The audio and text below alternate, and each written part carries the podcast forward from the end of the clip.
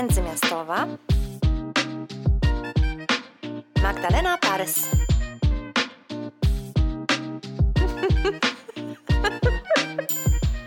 Witam Was serdecznie w kolejnym, bo już 38 odcinku międzymiastowej Magdalena Parys. Dzisiaj mam przyjemność porozmawiać z Magdaleną Kicińską i z Maćkiem Moskwą.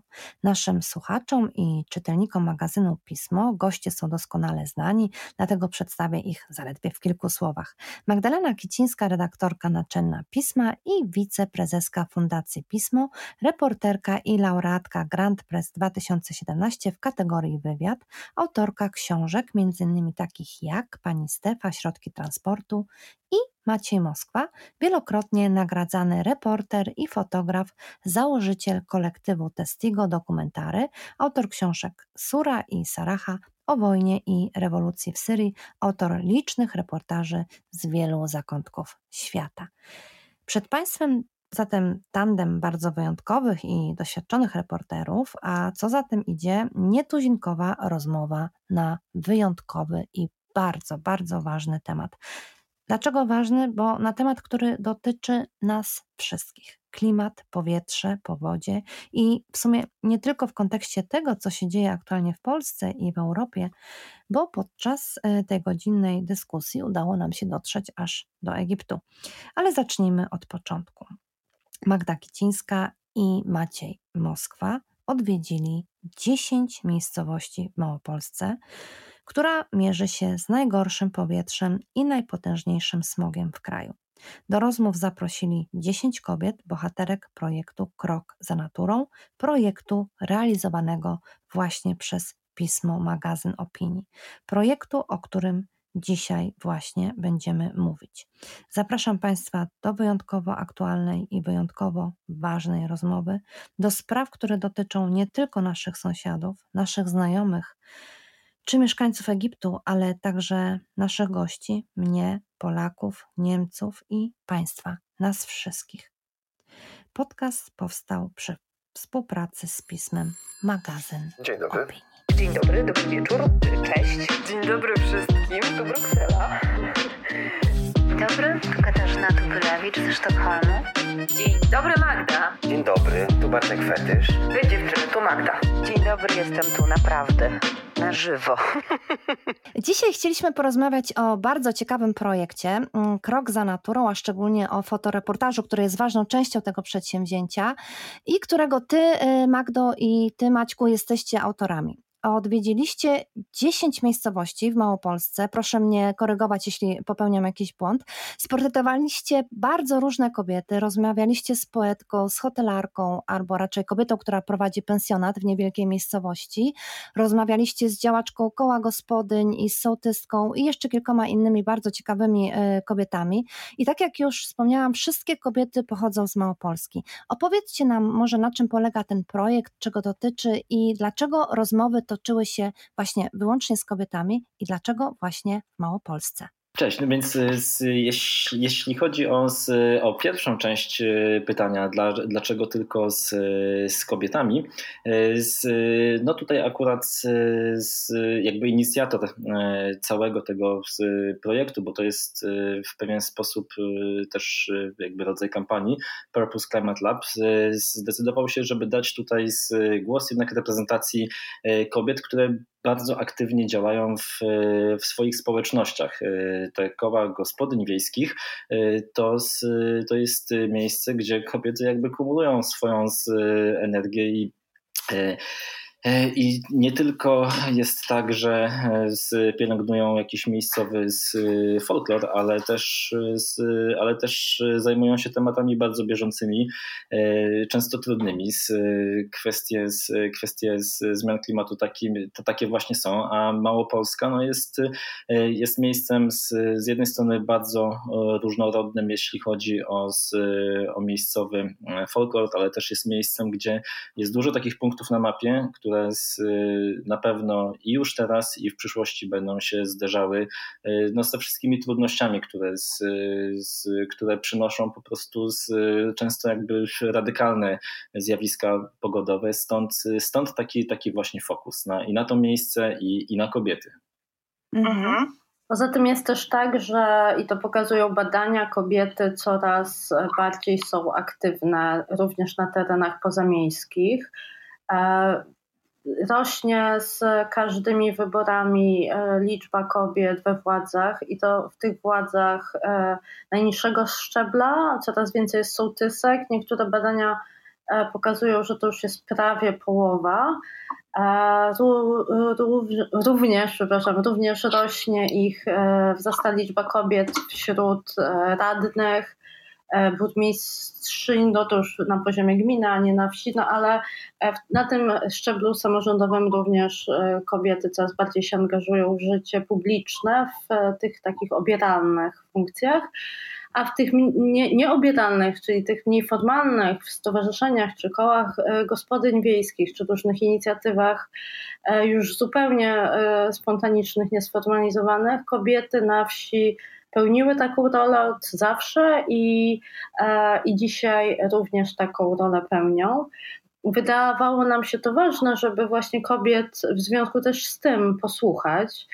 E, poza tym to, co jest też takim powodem, dla którego mm, właśnie taka grupa została wyłoniona, to sama ludowa historia i sposób przekazywania właśnie w tej klasie e, warstwie społecznej już od wieków opowieści, historii, tradycji, właśnie w takich na, dziś na nowo odkrywanych kręgach kobiecych, mm, na nowo odkrywanych często właśnie przez mieszkanki miast, natomiast na wsiach, co oczywiście było też związane z, e, z życiem na roli z e, kalendarzem, e, z tym, że wiele prac wykonywało się tak zwanych babskich e, kręgach w ciągu roku razem e, i, i też w takich właśnie w takich właśnie e, kręgach kobiety nie tylko robiły pracę, robotę wykonywały, ale też no, żeby zabić ten czas monotonii, monotonii,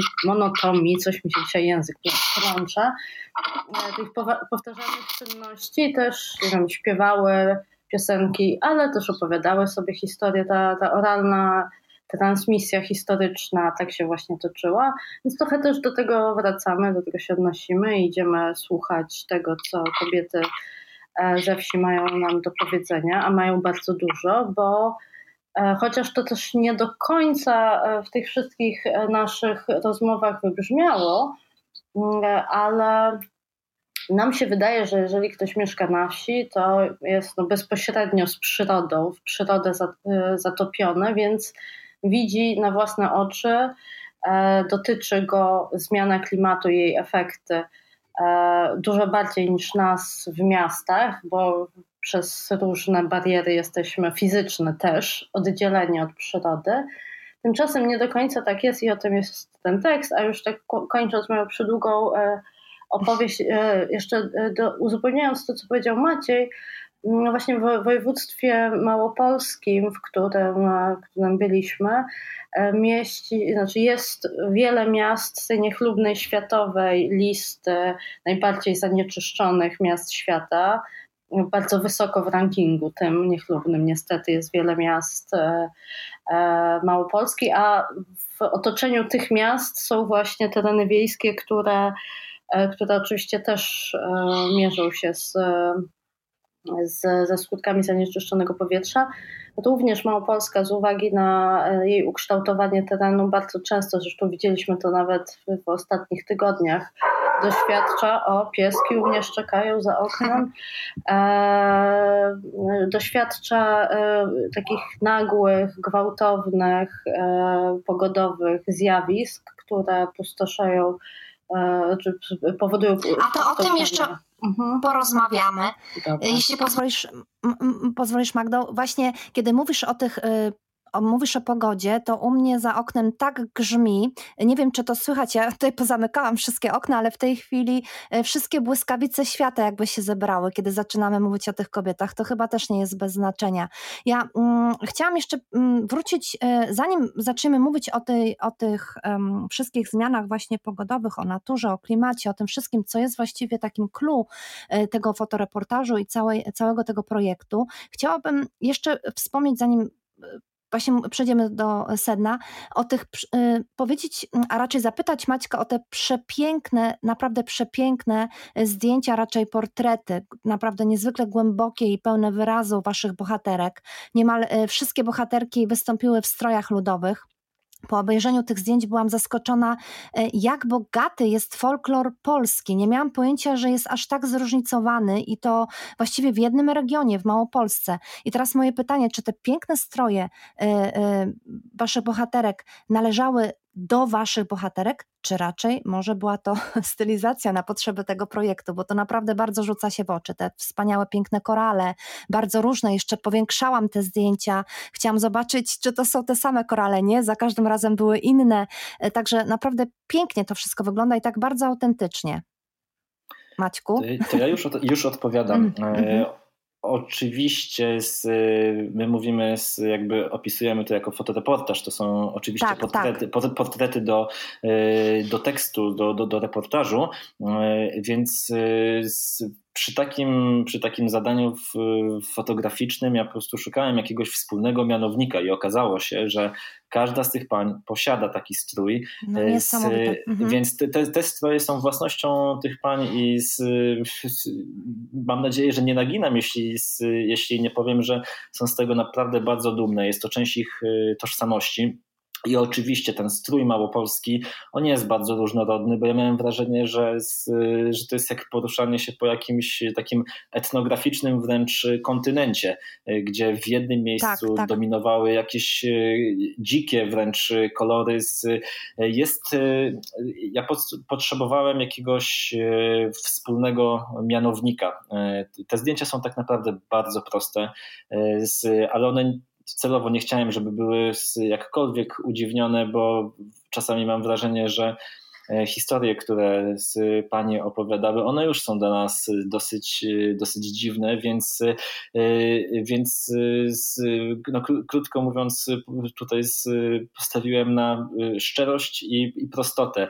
E, I to nie jest przebranie. E, bo, z, z, bo ten strój z, kiedyś był, on jakby on wynika z jakiejś, e, z jakiejś tożsamości. Ta tożsamość się też w tych miejscach Y, rodziła i, i tworzyła w, w, nowym momencie, jeżeli można było długo ją tam tworzyć, budują, budować jakąś tradycję. Nie można jej budować w miejscach, które się do życia nie nadają, albo są trudne, albo trzeba z nich uciekać.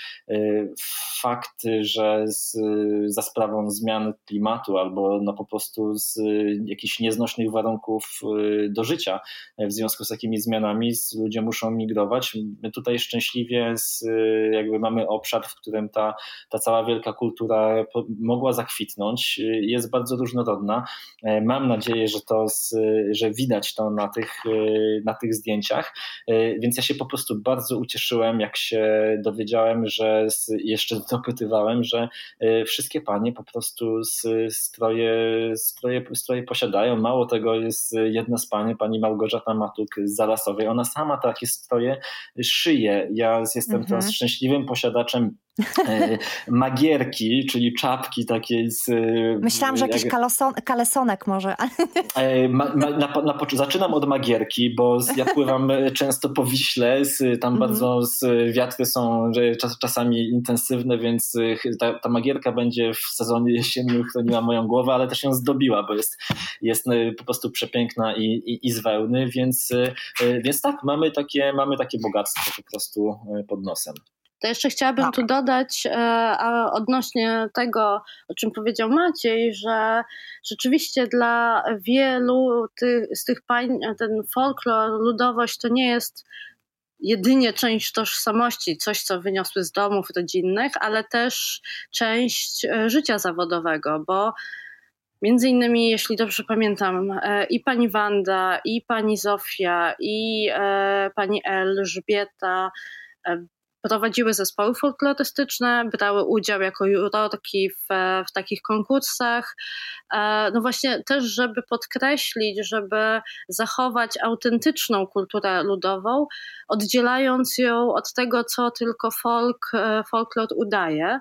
Co my często możemy spotkać na różnych straganach w miejscowościach e, turystycznych. E, wszelkie te takie chusteczki czy koszulki z fragmentem tkaniny udającej folkową a to wszystko zostało wyprodukowane gdzieś na drugim końcu świata w bardzo, bardzo urągających warunkach dla szwaczek tamtejszych i co właśnie z folklorem prawdziwym nie ma wiele wspólnego, e, to jest coś, co, e, co dla e, naszych rozmówczyń było bardzo ważne, żeby jeżeli właśnie przekazujemy tę kulturę ludową, to przekazujemy prawdziwą kulturę ludową, a nie coś, co ją udaje.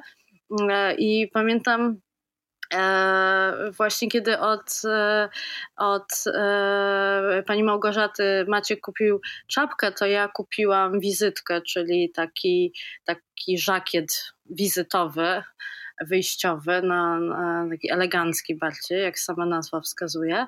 No i też przez chwilę się biłam z myślami, czy to już nie jest właśnie słowo znane z, z oceanu, z dyskursu appropriation, czy ja właśnie teraz jako ktoś, kto pochodzi z Lubelszczyzny i z Góralszczyzną nie ma nic wspólnego rodzinnie, jak ja teraz założę tę wizytkę, to czy czegoś albo kogoś nie udaje.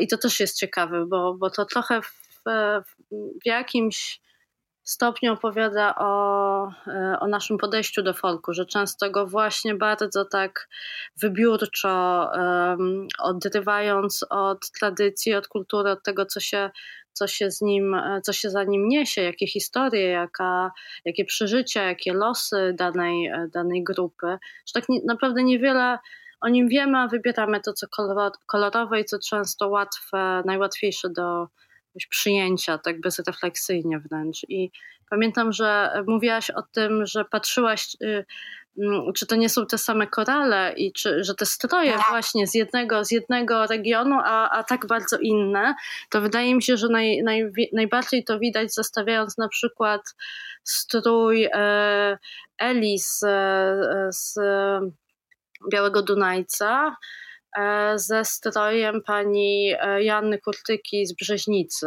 To są bardzo dwa różne stroje, jeżeli chodzi właśnie o bogactwo ozdób, o kolorystykę, o to, czy coś zakładamy na głowę, czy nie, czy są korale, a jeśli tak, to ile sznurów, czy ich nie ma. Co też właśnie opowiada o tym, jak bardzo zróżnicowany jest przecież tylko jeden wycinek naszego kraju. Tak, E, to jest e, niezwykle ciekawe, o czym mówicie e, i chociaż obiecałam sobie, że nie będę zbyt dużo sama tutaj gadała podczas tego podcastu, bo mam tyle pytań do Was, ale natychmiast nasunął mi się taki photoshooting, który zrobili, zrobił Vogue niemiecki. I tam właśnie w aktualnym wydaniu są pokazane najróżniejsze panie. I wiecie, jakoś w tym zestawieniu tego, co widziałam, e, starsze panie, bardzo leciwe panie e, i jest między innymi też pokazana e, pani, no, że tak użyję tego sformułowania, które używa też Vogue niemiecki, chłopka i one są przebrane. Ja mam wrażenie, to są piękne zdjęcia, wszystko jest cudowne i, i kolorystyka się niby zgadza i tak dalej, ale nie ma w tych zdjęciach prawdy i tak się jakoś złożyło, że po odłożeniu Vogue'a oglądałam znaczy obejrzałam sobie bardzo dokładnie e, te zdjęcia z waszego fotorepor- z tego no, waszego fotoreportażu i to było uderzające, jak prawdziwe jest to, o czym wy opowiadacie, a raczej te zdjęcia, one same też e, przemawiają do mnie, a jak mało przemawiała do mnie, że znów użyję tego e, stwierdzenia z niemieckiego wołga chłopka, z, z wołga niemieckiego, ponieważ ja nie wiedziałam, która jest którą panią, bo one wszystkie były przebrane. Nie, nie, nie było nawet tła, które by pokazywały, kim są. I to jest właśnie to, Maćku, o czym mówiłeś o tej autentyczności, ale dobrze, ponieważ ja zaraz tutaj e, zacznę mówić o tysiącu innych rzeczy i ucieknie nam to, co najważniejsze. E, chciałabym jeszcze mm, do Ciebie, Maćku, i do Ciebie, Magdo, wrócić konkretnie tutaj do tych fotografii, do tego tekstu, który opowiada o zmieniających się gwałtownie zmieniających, zmieniających się warunkach e, życia w Polsce, bo ta Małopolska to występuje jako Małopolska, ale tak naprawdę mam wrażenie, że ona opowiada nam całą Polskę. I ty, Magdo, przemycasz niby ukradkiem w swoim tekście sporo liczb. I przyznam Ci się szczerze, że one są zatrważające. Dowiadujemy się na przykład, że jedna czwarta polskich sołectw nadal nie ma transportu publicznego, że rozwój wodno-kanalizacyjny nadal bardzo, bardzo kuleje, że tylko tyle, a tyle gospodarstw, już w tej chwili sobie nie przypominam procentu, ale jest on też zatrważający, że tylko tyle gospodarstw wiejskich posiada łazienki w domach, że już tylko 22% aktywnych zawodowo mieszkańców wsi prowadzi gospodarstwo i tak dalej, i tak dalej, i tak po kolei. Muszę powiedzieć, że mm, na tle tego pięknego, miejscami wręcz lirycznego tekstu, e, te liczby sprawiają, że czuję się jako czytelnik dodatkowo jakoś tymi liczbami dotknięta, wręcz bezradna. I po raz pierwszy dotarło do mnie, chociaż niby wszyscy o tym wiemy, że mamy aż 93% Polski, że na 93% Polski e, no to mamy tereny wiejskie. Ja właściwie bardzo dużo się z tego tekstu dowiedziałam, a ty to przemyciłaś tak, tak gdzieś pomiędzy, e, ale ja na pewno technicznie zapomnę. Naprawdę e, wstrząsające jest to wszystko. Wiesz, ja sobie też musiałam trochę, e, trochę, trochę o tym przypomnieć. Mówię przypomnieć, dlatego że ja się urodziłam w mieście, w Lublinie, ale całe życie zawodowe mojej mamy do emerytury było związane z polską wsią i też z polską wsią, która się zmienia, bo moja mama pracowała jeszcze przy funduszach przedakcesyjnych i przez, no do końca, e, do emerytury mm, przy funduszach unijnych, przy dopłatach e, między innymi. Więc ja tę wieś polską trochę znałam, bo często, często na nią jeździłam z mamą na, przy okazji jej różnych zawodowych wyjazdów, ale ona była też obecna no, jako temat rozmowy u nas w domu, więc E, więc miałam z nią kontakt, e, po czym wyprowadziłam się do Warszawy na studia i zostałam w Warszawie. I tę wieś już obserwuję tylko jako gościni e, gdzieś na, w czasie wakacji, tak jak właśnie dzisiaj z Gór Izeckich przyjechałam po tygodniu na wsi, a, no a poza tym czasami gdzieś tam właśnie mijając różne miejscowości, kiedy jadę na spotkania autorskie albo na jakiś festiwal, ale jeżeli już jadę e, autostradami e, i drogami szybkiego ruchu, jak dzisiaj przez większą część dnia, albo, albo pociągiem, no to jeżeli w, te, w ten sposób ograniczyłabym swój kontakt e, z pozamiejską Polską, to mogłabym dalej trwać w takim swoim e, przekonaniu o tym, jak wygląda dzisiaj polska wieś, dlatego że za okien e, szybko jadącego pociągu, czy gdzieś tam przemieszczając się po kraju drogami szybkiego ruchu, można nie zauważyć tej ogromnej zmiany, która się dokonała. Zmiany na plus, bo zdecydowanie Polska wieś jest bardzo dużą beneficjentką e, wstąpienia Polski do Unii i, i, i tych funduszy, przy których moja mama między innymi pracowała, ale też zmiany na minus, jeżeli chodzi o to, e, co, co w tym tekście jest, czyli te wszystkie liczby obrazujące odejście e, osób z rolnictwa spowodowane między innymi zmianą klimatu i również zmianą naszego modelu ekonomicznego, które no, nie sprzyja mniejszym, nawet już średnim gospodarstwom nie sprzyja, bo uprawianie, e, hodowanie warzyw, uprawianie uprawianie roślin jest coraz mniej opłacalne i ta liczba, ten, ten mały, e, mały procent stosunkowo, biorąc pod uwagę potencjał osób, które się z rolnictwa utrzymują, a w pełni, czyli to jest jedyne ich, e,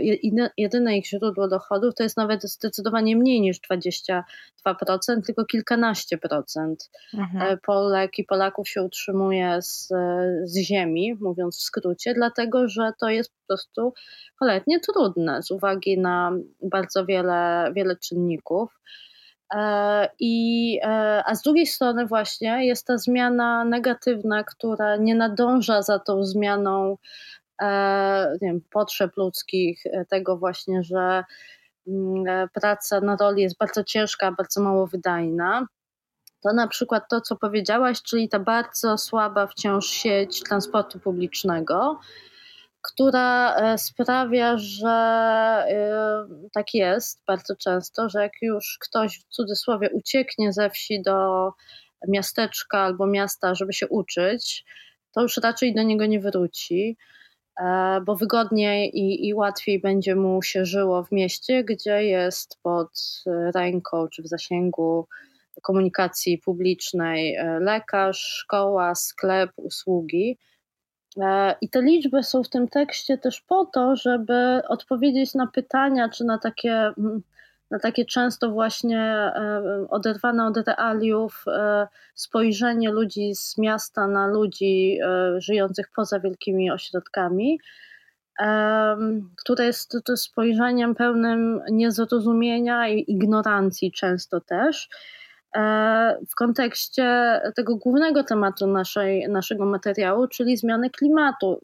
O tym właśnie też mówi pani Kurtyka w tym tekście, że to się tak łatwo mówi, że żeby nie jeździli tymi starymi samochodami, e, na przykład z pozycji osoby, która mieszka w mieście, gdzie ma tramwaj, metro, autobusy e, i bardzo dobrą komunikację miejską, albo na przykład, żeby żeby nie, e, nie wylewali nieczystości do, do gleby, jeżeli na przykład w danej gminie wciąż nie ma kanalizacji i, e, i tak dalej, i tak dalej. Że nasza perspektywa jest też bardzo ograniczona przez to, że no ja mieszkam w bloku, w którym E, jak potrzebuję wody, to odkręcam kran i e, w tym bloku tak było od zawsze, a jak mi jest zimno, to sobie podkręcę kaloryfer, czego w ogóle w zimie nie robię od kilku lat, bo jest tak ciepło, że nawet tego nie muszę robić. I, i że, to, że te wygody życia miejskiego bardzo często właśnie odbierają nam wyobraźnię i wrażliwość też do spojrzenia na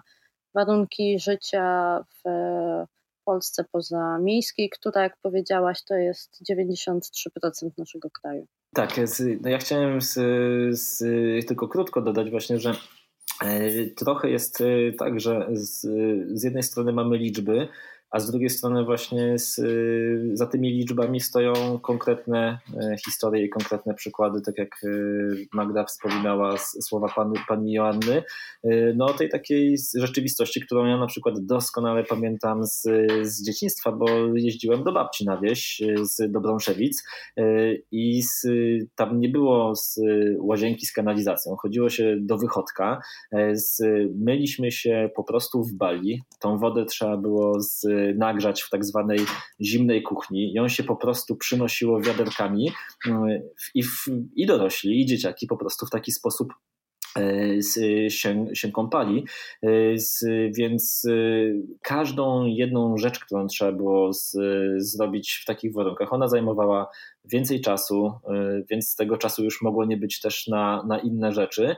Y, teraz y, z jednej strony można powiedzieć, że to jest taki, takie trochę, nie wiem, romantyczne, że w tej kuchni na tej Westfalce trzeba było porąbać małe drewienka, żeby rozpalić prawdziwy, żywy ogień, ale jeżeli ktoś na przykład, no nie wiem, miałby pracować codziennie od 8 do, do, do 16 i wstawać już chyba czasami nawet i o 5, żeby te wszystkie rzeczy ogarnąć, to nagle okazuje się, że to życie z, robi się z, bardzo trudne.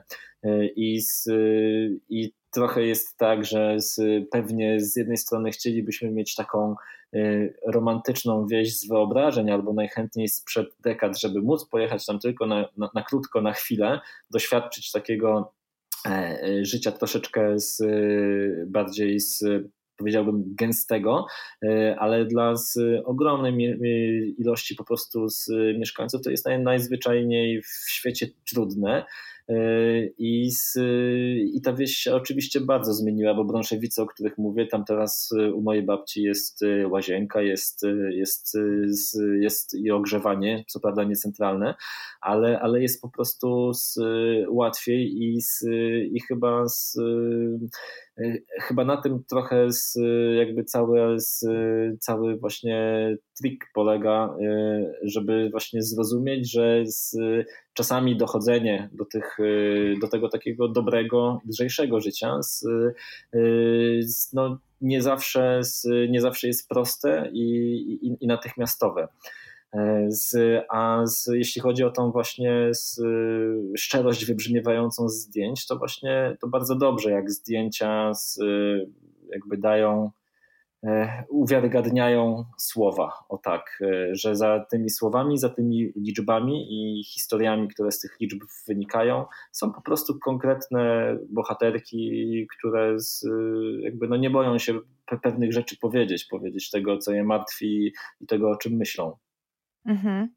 No, e, wiecie, muszę, właściwie, ja nie wiem, pewnie się tak nie robi, ale ja to powiem, bo ten, ten fotoreportaż to jest takie, wy, wy, zrobiliście coś takiego, co jest bardzo trudne, bo to nie jest wcale taki popularny temat, to nie jest temat, który porwie tłumy i y, y, mainstream, czy nawet niektóre bańki. Te, tego o tym wielu, y, wielu ludzi nie chce wiedzieć albo nie chce zauważać i wszyscy mówimy o klimacie, o zmieniających się warunkach, w jakich żyjemy, ale jak to zrobić, żeby napisać i przedstawić coś, co sprawi, że to naprawdę będzie interesujące, że naprawdę ktoś będzie chciał to przeczytać i naprawdę będzie się chciał nad tym jeszcze inaczej zastanowić niż jest to modne, bo przyznajmy się szczerze, że to też jest z jednej strony modny temat, ale czy bardzo dużo o nim mówimy, czy coś konkretnego robimy, a ten fotoreportaż sprawił, że ja na przykład zaczęłam myśleć, zaczęłam rozmawiać, znaczy myśleć, ja zawsze o tym myślę, mam y, względnie y, no, niedorosłe jeszcze dzieci, y, które są niezwykle wrażliwe na tym punkcie, chodzą na najróżniejsze demonstracje tutaj w Berlinie i bez przerwy nam przypominają, co jest w życiu tak naprawdę ważne. To jest takie pokolenie właśnie, i e, zaczęłam z nim na ten temat rozmawiać i zrozumiałam, jak dużo się o tym mówi, a jak tak naprawdę mało ta młodzież o tym wie. E, I wszystkie te zdjęcia i wszystko to, jak jest to napisane, jest to niezwykle autentyczne. Na przykład zauważyłam, że kiedy Magda pisze o tych liczbach, to dokładnie one się pojawiają w tym momencie, w którym mają się pojawić. To nie jest taki tekst jak w wielu innych gazetach, że e, to jest taki, takie coś popularno-naukowe, że ja to w pewnym momencie odkładam, bo ja już nie potrafię się na tym skoncentrować. Tutaj jest opowieść obrazami e, i nie tylko obrazami takimi, które e, dają nam bohaterki i autentyczność ich, e, e, właśnie to, że są ubrane w to, co naprawdę mają w domu, że to szyją albo e, że tym żyją, tak, że ktoś się tam, jedna z tych waszych bohaterek przeprowadziła się z miasta specjalnie z powrotem na wieś. To wszystko ten tekst jest żywy, on jest prawdziwy. Ja po tym tekście nie spałam ile jest takich tekstów o zmieniającym się klimacie, o zmieniających się warunkach życia, po którym dzisiaj się nie śpi, chyba że e, to są jakieś e, straszne e, zdjęcia z powodzi na przykład, prawda? No dobrze, miałam nie gadać, zagadałam was to, to, właśnie jeszcze o tych zagrożeniach klimatycznych, które są już bardzo konkretne i przestają być zagrożeniami, bo stają się e, realiami, z którymi właśnie bardzo konkretnie e, mierzą się wasze bohaterki. I na przykład jest tam opowieść e, o tym, jak jedna z waszych bohaterek, przepraszam, że zapomniałam teraz jak się nazywa, ale jakby słabo mam pamięć do imion, ale ona mówi o, o tekstach ludowych, pieśni e, i one przestają być zrozumiałe dla młodych, e, ponieważ e, różne regionalne powiedzonka, czy nawet nazwy typowe dla wsi przestają obowiązywać, albo coś takiego, czegoś takiego się już nie robi, albo nie ma takich urządzeń lub nawyków. I to samo dotyczy też realiów i w sumie dnia codziennego, gdy trzeba kopać nowe studnie, ponieważ te, które starczały no, dla kilku pokoleń, już wysychają i trzeba szukać coraz głębiej tych wód gruntowych. Czy mm, właśnie chciałabym, żebyście powiedzieli coś, Maćku, ty Magdo, jeszcze o tych zagrożeniach e, konkretnie, e, e, no, które je naprawdę te kobiety na co dzień dotykają, ich rodziny, właściwie całą Polskę, 93% Polski. E, ja myślę, że z, e, te zagrożenia, z, o których Panie mówiły, to jest dokładnie ten, z, e, tylko one to dokładnie nazywają i potrafią pokazać w których miejscach. Mamy na przykład mętków nad Wisłą, mhm. gdzie, gdzie to jakby nawet nie chodzi o ryzyko powodziowe, bo jeżeli mamy rzekę, to to jest naturalne absolutnie, że ta rzeka musi wylewać, że ma swoje naturalne rozlewiska. Problem jest w ludziach, którzy z, bardzo często z, z jakiegoś no nie chcę używać słowa z pazerność, tak? ale z, bez wyobraźni po prostu z, rozbudowują się w, dookoła tej rzeki, później próbują ją na siłę, no bo to jest na, na siłę po prostu regulować. Mhm. Koniec końców mamy obrazki dramatyczne, właśnie takie, że wtedy można zrobić fotoreportaż e, i, z, no i, i pokazać, czym, czym się kończą takie eksperymenty. W Polsce są kolejne plany z regulacji, jakby jeszcze, jeszcze intensywniejszego regulowania rzeki Wisły. Jeżeli ktoś mhm. z Państwa chciałby zobaczyć, czym się kończą regulacje wielkich rzek, wystarczy wpisać trzy słowa. To jest Egipt, Nil i Tama, gdzie po prostu katastrofy, katastrofa, która z, od lat 50. się po prostu toczy, wyludniając ogromne tereny, z, zmieniając, zmieniając równowagę w przyrodzie, gdzie się pojawiają nowe inwazyjne gatunki, gdzie masa ludzi musi po prostu migrować, a pierwotnie y, myślano, że po prostu będzie można bardziej tych Egipcjan wyżywić y, poprzez systemy irygacji. Okazuje się, że dużo więcej żywności trzeba teraz importować do Egiptu y, niż, niż to było pierwotnie zaplanowane. Ale ta kwestia właśnie wodna, tego, tego że są miejsca w Polsce, gdzie rzeczywiście ten te susze, z, z, te susze znaczy ta, ten jakby niedostatek wody występuje. W okolicy, gdzie mieszka pani Joanna Kurtyka z Brzeźnica, gdzie są właśnie e, z wyrobiska i żwirownie. E, oczywiście to nie jest tak, że wszystko nagle z, wszędzie trzeba jakby zamknąć, bo to jest niemożliwe, ale doszliśmy chyba do tego momentu, w którym te panie widzą jakby na własnym terenie, że w miejscu, gdzie rosły na przykład olchy, czyli z drzewa, które potrzebują wody na terenach y, z po prostu wilgotnych, też doskonale regulujące właśnie kwestie y, z retencji. Teraz te drzewa po prostu obumierają, bo ta, poziom tej, tej wody się obniża. I to są takie obserwacje, których no my w mieście nie zauważamy obniżania się poziomu wód, dopóki nam nie, za, nie, nie przestaje woda w, w kranach po prostu płynąć, a tam to jest jakby no... Tak, nagminne. Mhm. Tak, to jest, to znaczy to jest problem, z którym trzeba się zmierzyć y, tu i teraz, jakby z, y, stąd, stąd, y, stąd to myślenie, no kwestia, kwestia tak, smogu. i ten tak? strach, prawda? Przepraszam, że wchodzę w słowo, ten strach, kiedy ona mówi o tym, że za, ona wie, że za chwilę wyschnie, wysną te źródła obok i potoki, które płyną, bo to też nie zawsze jest tak, że zalewa, ale też, że po prostu przede wszystkim wysycha, prawda? Tam właśnie ona, e, jedna z waszych bohaterek o tym mówi. Że tak, ona już... tak, bo to jest radykalizacja tych stosunków wodnych. To, to tak, znaczy, że, tak. że, że, są momenty, w których, y, z, w których po prostu z, okay, ze względu na opady są, z, są powodzie, jest, jest jakby wody nadmiar, ale jej nie jest nadmiar w, całościo, w całościowym bilansie. Rzeki tak silnie uregulowane stają się po prostu akweduktami, które spuszczają, krótko mówiąc, y, wodę do morza. Ta, ta woda jest jakby ciężka w odzysku. Już Y, no nie trzeba dodawać tego, że z, przy Y, przy tym sposobie gospodarowania, przy tak, y, przy tak silnej pestydyzacji z, po prostu z, no naszej, z naszej żywności, tego co rośnie, y, to oczywiście wszystko kończy gdzieś tam z, w morzu.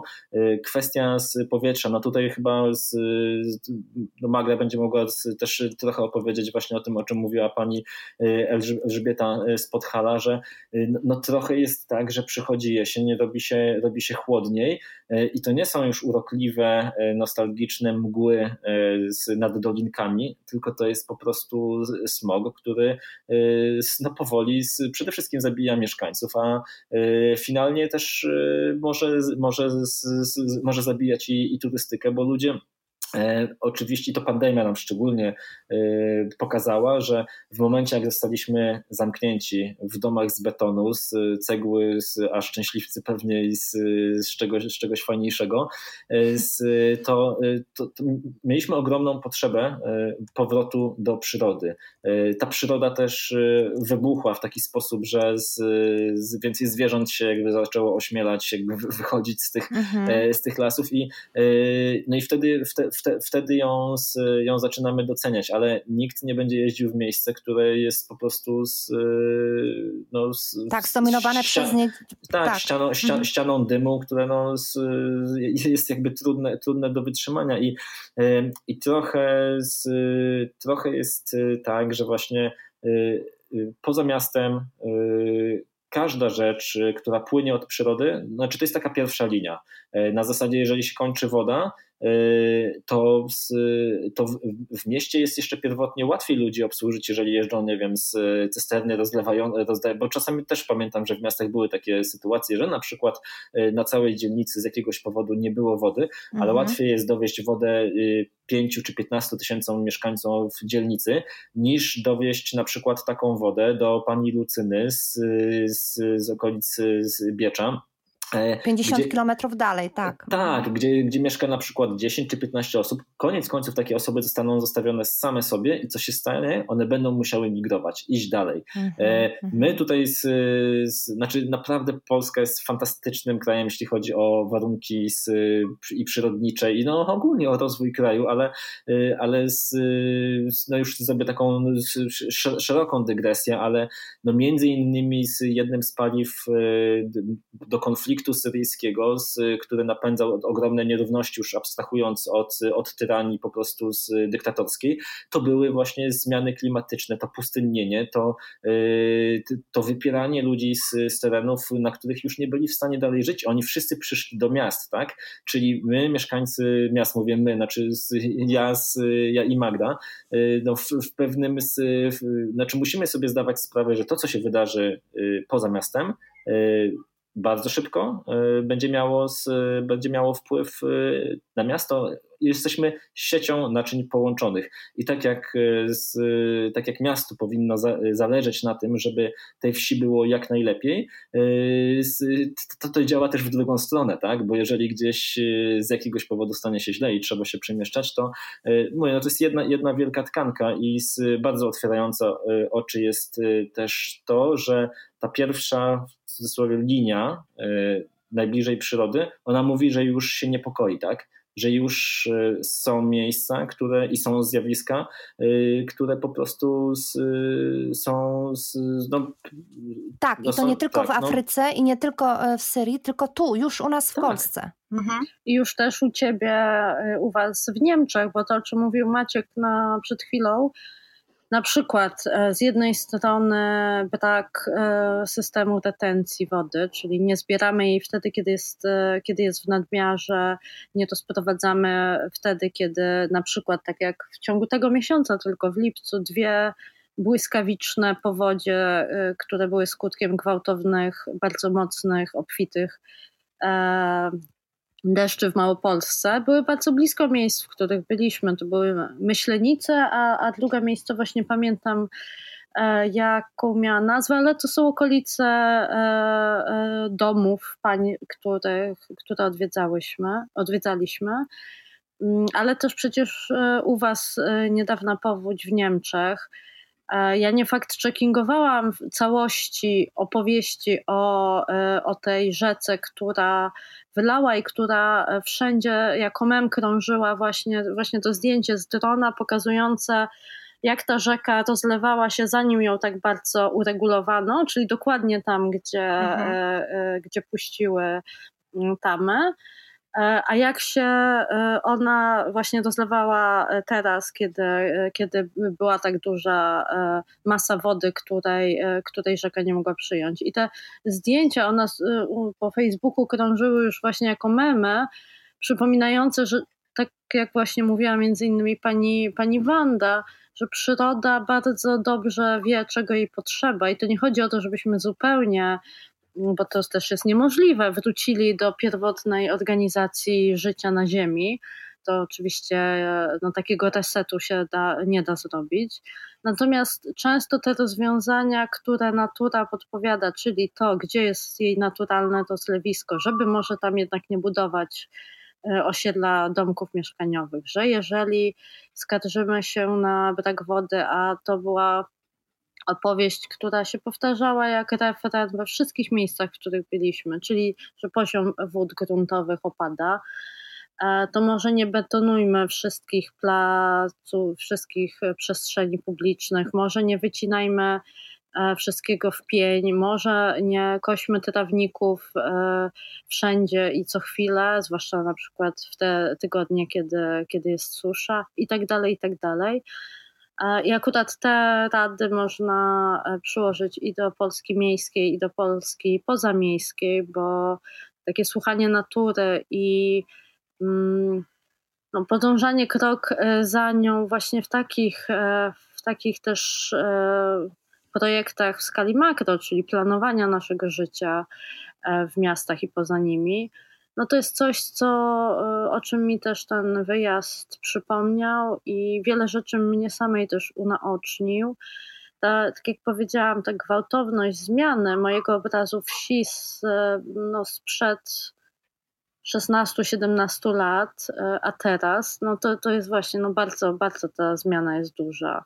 Mimo, że tych lat nie ma, to nie, nie jest wiele dekad, zaledwie niecałe dwie, a wieś się tak bardzo zmieniła, że dla mnie to było, cały ten nasz wyjazd e, z Maciejem, to była bardzo duża lekcja pokory i, i też takiego że rachunku sumienia to zbyt duże słowo, bo mam nadzieję, że jakoś już nie, e, nie, nie dzieliłam się ze światem e, moją ignorancją na temat Polski pozamiejskiej, ale wydaje mi się, że dobrze sobie przypomnieć, czy, czy dla niektórych może po raz pierwszy zobaczyć, jak wygląda życie poza miastami, żeby też bardziej zrozumieć ten, ten system naczyń połączonych, o których mówił Maciej.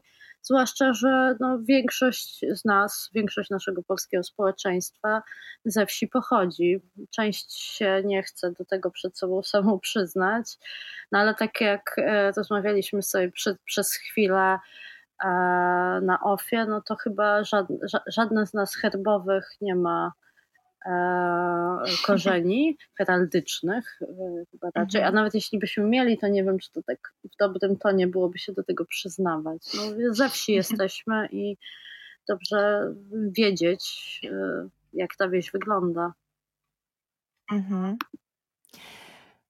Wiecie, jak mówiliście teraz o, o, o powodziach, o, o tym wszystkim, to pomyślałam sobie, chociaż to już nie jest y, jakby w naszym temacie, bo to już jest o Niemcach i o tym, co się przed chwilą tutaj dosłownie wydarzyło, jak niewielkie znaczenie ma to, jaki rejon to w sumie dotknie.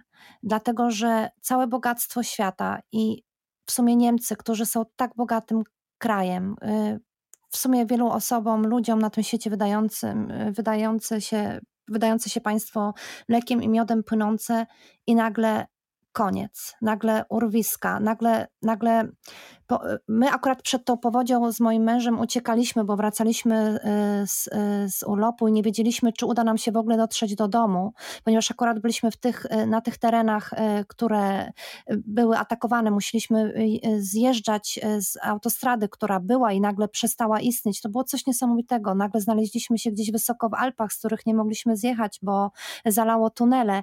Czyli dotyczy to to dotyczy naprawdę nas wszystkich. I nagle zna, zna, znaleźliśmy się w miejscu, gdzie e, skąd wyjeżdżaliśmy, było jeszcze mie e, była miejscowość, a po niej nie zostało ani śladu. Tam po prostu była wielka wyrwa, e, bo to nie jest tylko, że powódź wszystko zniszczy i zmiecie ze sobą, ale nagle po, powstały takie rzeczy, o których ja kompletnie nie miałam pojęcia, że coś takiego może się wydarzyć, że, że była ziemia i nagle jest urwisko, jakaś, jakaś dolina, nagle, która porwała ze sobą kawałek, znaczy nie kawałek, tylko cały zamek i kilka domów domostw. I na całe szczęście tam akurat nikogo w tym czasie nie było, bo ten zamek oczywiście nie był zamieszkany, to były jakieś ruiny, a domostwa były wynajmowane e, dla wczasowiczów i akurat to był taki moment przejściowy, że wczasowiczów tam nie było, ale ale przez chwilę pomyślałam sobie, gdyby oni byli, to by ta y, przecież liczba ofiar, która wyniosła daleko ponad 200, z tego co na dzień dzisiejszy wiem, y, ofiar, byłaby o wiele wyższa. I, i, I że to się dzieje po prostu, że to się w każdej chwili może wydarzyć. I też przyszedł mi na myśl taki artykuł z Gazety Wyborczej, gdzie y, bardzo ciekawie opisują to eksperci, że właściwie to jest tylko jedno wielkie szczęście, że, e, to, e, że ta powódź w tej chwili Polski nie dotknęła, że dotknęła ona akurat Niemców. Ale całe, wracając do tego, co mówiłam wcześniej, że całe to bogactwo Niemców, ta, to, że, że oni niby wszystko mają i ze wszystkim sobie poradzą i nagle przyszła ta powódź i w ciągu kilku minut wszystko zawiodło, bo teraz nie można ostrzec przed powodzią. Po prostu e, była autostrada i nagle z tej autostrady zmiotło w ciągu kilku minut ileś samochodów.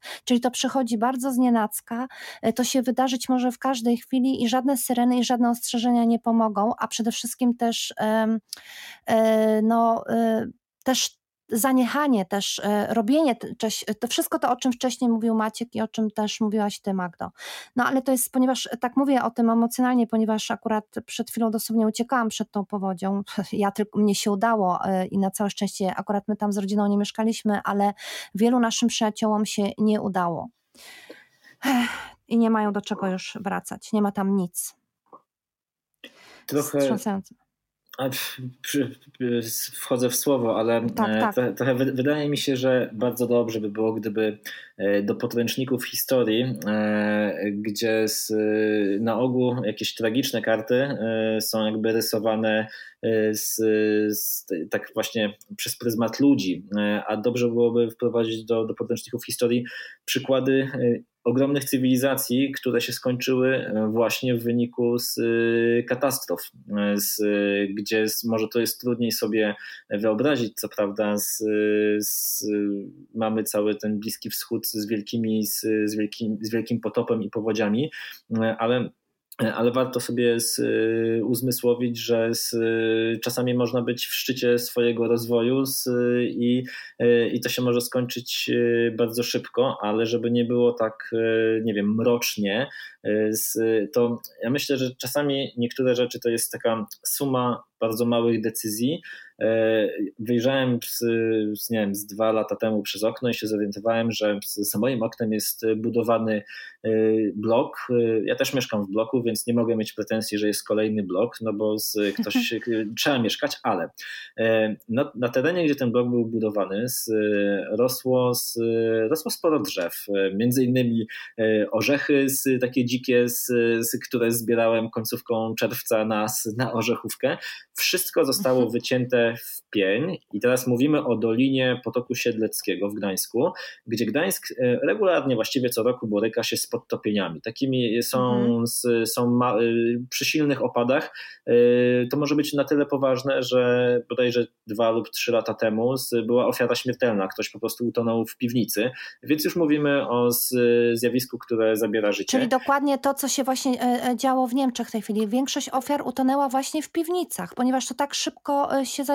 Okej, okay, ale już. I wracają, wraca, mhm. wracając właśnie do myśli, tak, e, tak sobie myślę, napisałem do dewelopera, że widzę, że są te wszystkie drzewa wycinane, że to jest e, bardzo kiepska decyzja, no bo przecież ten blok stoi kawałek dalej, tylko po to, żeby on lepiej wyglądał w folderze reklamowym. No, obsadzono to teraz takimi niziutkimi krzewami, ale w Dolinie Potoku, który jest zlewnią po prostu wód, te krzewy nie pełnią funkcji retencyjnej. No dodatkowo mamy jakby coraz większą jakby plac zabudowany, z, po prostu zalany jakimś tam z asfaltem.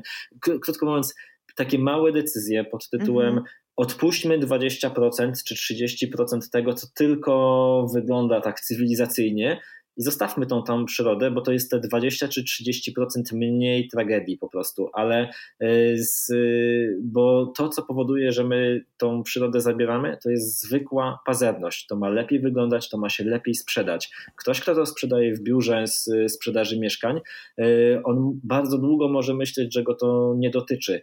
E, I to, doty, to, to jest jakby to jest klasyk wszystkich, nie wiem, tragedii, tak. konfliktów. Dopóki mi nie strzelają pod oknem, to nie z nie mhm. walczę o prawa człowieka, krzyczę, że e, to jest jakby, no ja tu mieszkam, najlepiej, żeby nikt tutaj nie przychodził.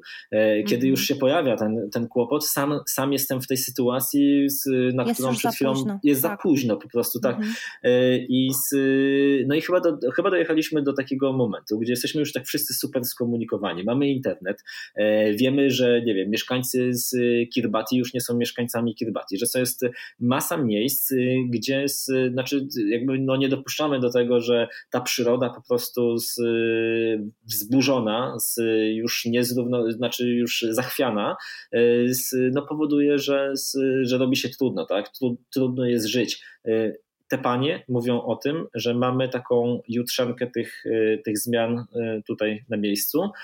No i dobrze byłoby się w to wsłuchać, bo to nie jest tak, że te decyzje robiące takie, takie zmiany, że one się biorą, nie wiem, z nieba, to, że to jest przypadek, jakaś wypadkowa historii. Nie, mamy, mamy ludzi, polityków i inżynierów, którzy w tym momencie debatują nad tym, jak zarobić troszeczkę więcej pieniędzy na y, y, spływaniu Wisłą z kontenerów, tak? Czyli relatywnie mała grupa y, Polaków będzie czerpała profit z, albo dosyć duża przy, przy tym całym wielkim projekcie budowania kolejnych stopni wodnych, z poszerzania torów wodnych, puszczania y, ale konsekwencje poniosą mieszkańcy właśnie tej Polski poza, pozamiastowej. Być może duże miasta też trochę ucierpią, bo są nad Wisłą.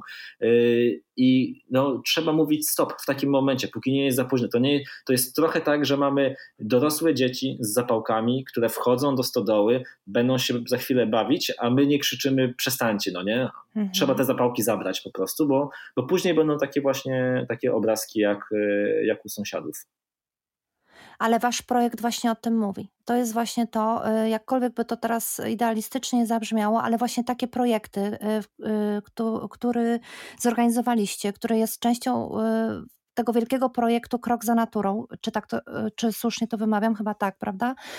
Jest właśnie taką cegiełką i kropla drąży skałę i właśnie to jest potrzebne, bo, bo no, no co tu będę dużo mówić, e, ta, e, e, każdy tak jak potrafi i właśnie coś takiego zrobiliście.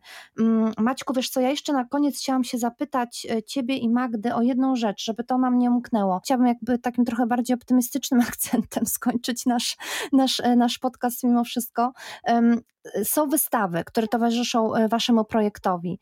Wiem, że jedna już się odbyła, a, ale właśnie za chwilę otwiera się kolejna. Czy zobaczymy na niej portrety bohaterek waszego fotoreportażu, czy jeszcze coś więcej? Wiem, że ta jedna odbyła się w, e, w Warszawie, a za chwilę, czy już 23 lipca odbyła się ta e, na placu Wolnica w Krakowie. Czy dobrze to e, mówię? Czy poprawiajcie mnie, jeśli coś tutaj nie tak? Wszystko się zgadza. Mhm. Wystawa, wystawa była z, w Warszawie, z, nad Wisłą, w, mhm, z, więc to, to, jest jakby dobre, dobre miejsce, tak? Blisko, bardzo, bardzo blisko, blisko mhm. tematu. Ja chciałem jeszcze, z, teraz jest w Krakowie, z, chyba będzie jeszcze w Nowym Sączu. E, a chciałem też powiedzieć, bo to jest dla mnie bardzo ważne, to jest e, tak, że przy takich e, działaniach jakby widać ich efekt, ale za, z tyłu w kuluarach stoi, jest, jest dużo pracy różnych osób, więc kształt tej wystawie nadała Maja Kaszkur, która, z, z, która była kuratorką i bardzo mi po prostu jakby pomogła z, no po prostu z, przedstawić to tak, jak jest teraz przedstawione i uważam, że to, z, to też jest właśnie z, z, dlatego ta wystawa ma taki po prostu e, kształt, kształt i wygląd. E, jest jeszcze w planach też e, mural, który ma, mhm. z, który ma powstać w Krakowie. Ta, ta rzecz jest w toku. Z, więc, z, więc no będzie parę miejsc. Kto wie, czy, czy ona gdzieś dalej w Polskę jeszcze nie pojedzie. Na ten moment na razie jest była Warszawa, Kraków i, i najprawdopodobniej Nowy Sącz. Autorem muralu jest Piotr Kowalczyk, też autor, ilustrator, rysownik, który z pismem jest związany. Mam taką nadzieję, że ta wystawa gdzieś jeszcze się pojawi. Ja bym bardzo chciała, żeby właśnie się pokazała w różnych miastach, w związku z tym, o czym mówimy tutaj u Ciebie w podcaście od samego początku, żeby właśnie przypomnieć, a niektórym powiedzieć, że ich wyobrażenie o polskiej wsi, a raczej o pozamiejskiej Polsce, o, bo to jest chyba bardziej precyzyjne wbrew pozorom określenie, e, może jest niepełne, może warto je sobie e, poszerzyć, żeby też zrozumieć, e, skąd wynikają różne działające w naszym społeczeństwie mechanizmy, dlaczego niektóre rzeczy poza miastami dzieją się trochę wolniej, E, a wszystko to ja oczywiście w takim bardzo teraz idealistycznym tonie powiem, ale żeby trochę też przełamać ten e, być może pesymistyczny wydźwięk naszej rozmowy, też po to, żeby, mm, żeby ten obraz, e, kiedy on jest pełniejszy, to tak, tak w to wierzę mocno, stwarza przestrzeń dla solidarności, a nie dla takiego pospieszania czy szturchania, że oni to robią to źle. My wiemy lepiej, jak oni powinni żyć i, e, jak powinni funkcjonować. To jest takie, mm, teraz to co powiedziałam, oni, my jest w cudzysłowie, ale, e, e, ale takie mam poczucie, że czasami nam tej solidarności czy empatii brakuje i, i stąd też napięcia i takie niezrozumienie, frustracja po jednej ze stron albo po obu stronach, że że właśnie mimo, że jesteśmy w jednym społeczeństwie, żyjemy, to nie do końca tym samym językiem mówimy. taki był cel tego projektu. Mam nadzieję, że chociaż trochę nam się udało e, go osiągnąć. I też sobie myślę e, jeszcze e, odnośnie tej powodzi, tego tematu powodziowego. Mówiłam o tych dwóch gwałtownych powodziach, które w, lipcu w Małopolsce miały miejsce, ale odwiedziliśmy też miejsce, w którym powódź była w 1997 roku, czyli Lipnicę Dolną. Wtedy od kilku lat sołtyską była pani Maria Beretta. Nic się nie zmieniło, pani Maria Beretta dalej, po 27 latach od pierwszego wyboru jest sołtyską Lipnicy. Przez Lipnicę przepływa taka rzeka, jeśli się nie mylę, która nazywa się Uszwica.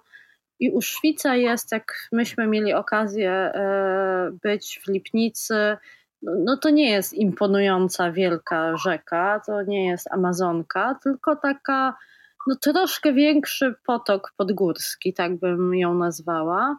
Bardzo malowniczo się wije mm, przez tę wieś, która też jest pięknie położona, słynie z takich wysokich, kilkumetrowych e, palm wielkanocnych i kościółka chyba świętego Leonarda z XV albo z XVI wieku.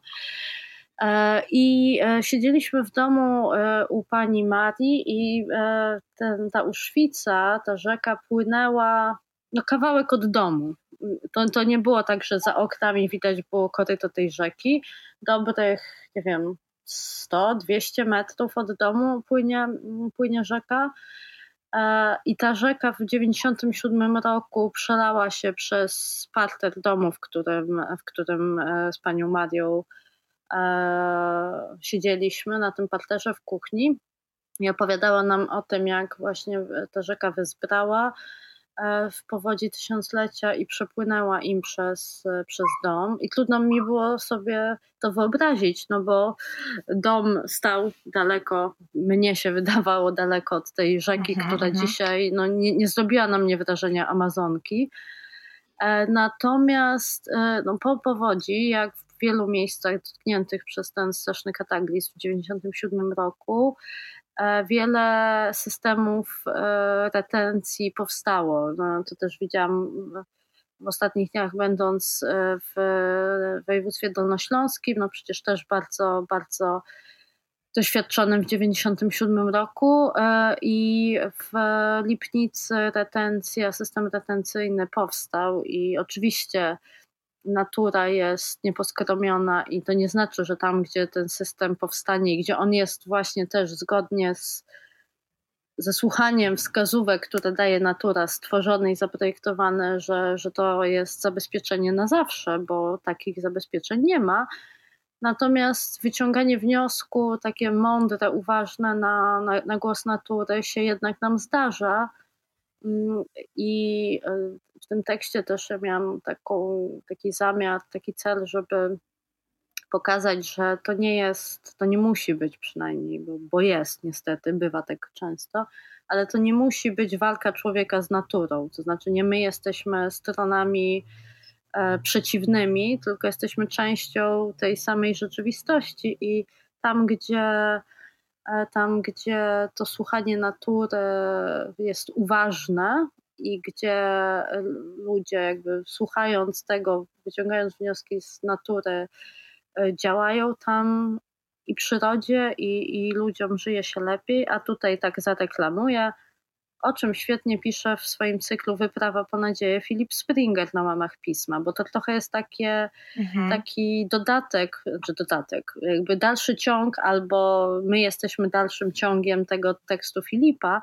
Wyprawa na, po nadzieję to jest właśnie zbiór tekstów i zdjęć, który pokazuje, że e, no właśnie zdarzają nam się, nam ludzkości, takie, takie działania, które albo są właśnie podążaniem za naturą, albo są słuchaniem czy, czy, czy braniem pod uwagę efektów, e, czy też tego, co nam natura robi, wyciągania wniosków, tak żeby jej dalej nie krzywdzić.